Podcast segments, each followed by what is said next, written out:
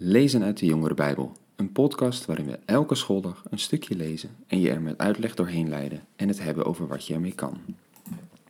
Dag leuke podcastluisteraars. Goed dat je weer naar een nieuwe aflevering luistert. We zijn dus teksten aan het lezen over het onderwerp naar de hemel gaan. En we zijn erachter gekomen dat er eigenlijk dus helemaal niet zo heel veel over in de Bijbel staat. Er zijn maar een paar teksten die daar iets over zeggen. We hebben een tekst gelezen die over het moment vertelt dat eh, de doden opstaan en degenen die dan nog leven samen met de opgestaande doden weggegrist van de aarde zullen worden en de lucht ingaan, Jezus tegemoet. Dat we dan altijd bij hem zullen zijn. En we hebben een paar teksten gelezen die zeiden dat onze plek in de hemel is.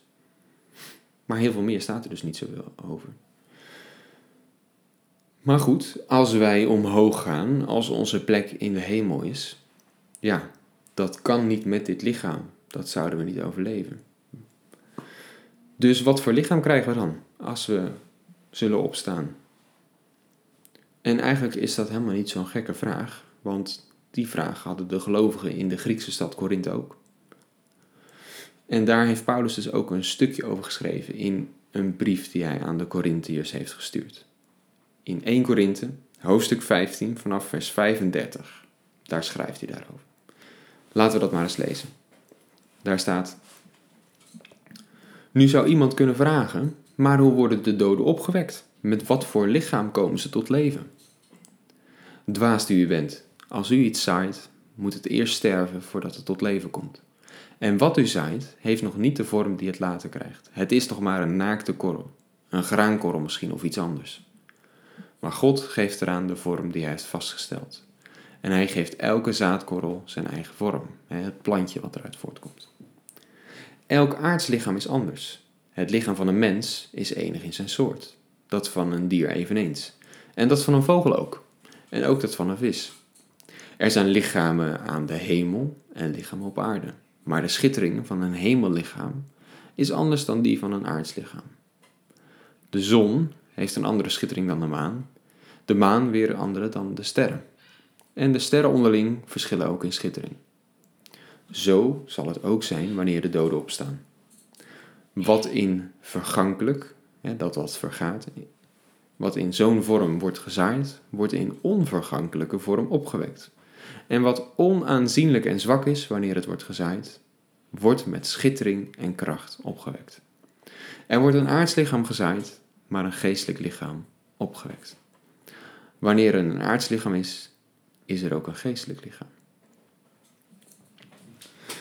Ja, Paulus gebruikt hier een bijzondere vergelijking. De vergelijking van een zaadje wat in de aarde valt, eigenlijk een soort van begraven wordt en sterft.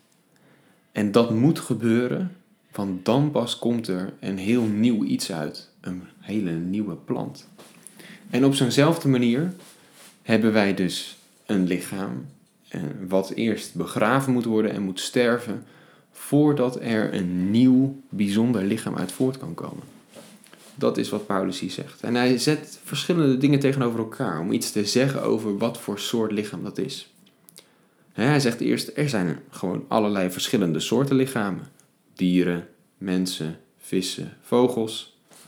En zo zijn het dus ook verschillende, is het lichaam waarmee we opstaan ook anders dan het lichaam dat we nu hebben. Nu, nu zijn we zwak. Nu vergaat ons lichaam snel. En we kunnen ons makkelijk bezeren, we kunnen makkelijk ziek worden. Maar straks is ons lichaam onsterfelijk, krachtig en schitterend. Nou, kan je je daar iets bij voorstellen? Ik probeer er wel eens over na te denken. Ik kom dan niet zo heel ver hoor, maar dan krijg ik vaak zo'n superheld idee voor me. Iemand die van alles kan wat gewone mensen niet kan. Misschien vliegen, maar het belangrijkste wat hier staat is dat we onsterfelijk zullen zijn. En hetzelfde fantastische lichaam zullen hebben dat Jezus na zijn opstanding had. En Paulus zegt er nog iets meer over. Hij gaat in vers 50 verder. Daar staat: Wat ik bedoel, broeders en zusters, is dit. Wat uit vlees en bloed bestaat, kan geen deel hebben aan het koninkrijk van God. Het vergankelijke krijgt geen deel aan de onvergankelijkheid. Ik zal u een goddelijk geheim onthullen. wij zullen niet allemaal eerst sterven, toch zullen wij allemaal veranderd worden, in een ondeelbaar ogenblik, in een oogwenk, wanneer de bazuin het einde inluidt. Wanneer de bazuin weer klinkt, zullen de doden worden opgewekt met een onvergankelijk lichaam en zullen ook wij veranderen. Want het vergankelijke lichaam moet worden bekleed met het onvergankelijke, het sterfelijke lichaam met het onsterfelijke. En wanneer dit vergankelijke lichaam is bekleed met het onvergankelijke, dit sterfelijke met het onsterfelijke, dan zal wat geschreven staat in vervulling gaan. De dood is over, verslonden en overwonnen. Dood, waar is je overwinning? Dood, waar is je angel? Hier zien we wat er gaat gebeuren op het moment dat Jezus terugkomt voor ons. Daar lazen we eerder over. En als ook de doden zullen opstaan, dan zullen zij zo'n onsterfelijk lichaam krijgen. En daarna zullen wij, die nog leven op dat moment, ook veranderd worden. Bij de bazijn. Dan hebben we dus allemaal een nieuw lichaam. Een lichaam wat niet meer kan sterven. En wat niet meer zwak is. Dan is voor ons de dood overwonnen. De dood heeft dan geen macht meer over ons. Bizar toch? Dat we nooit meer kunnen sterven.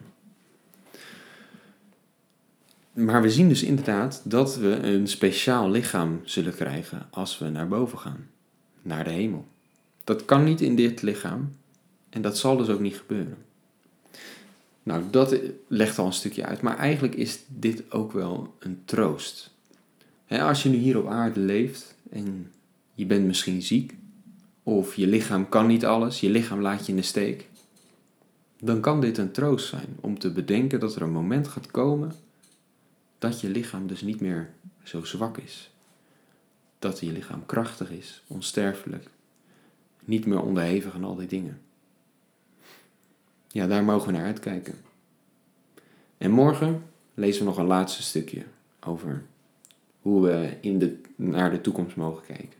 Tot dan.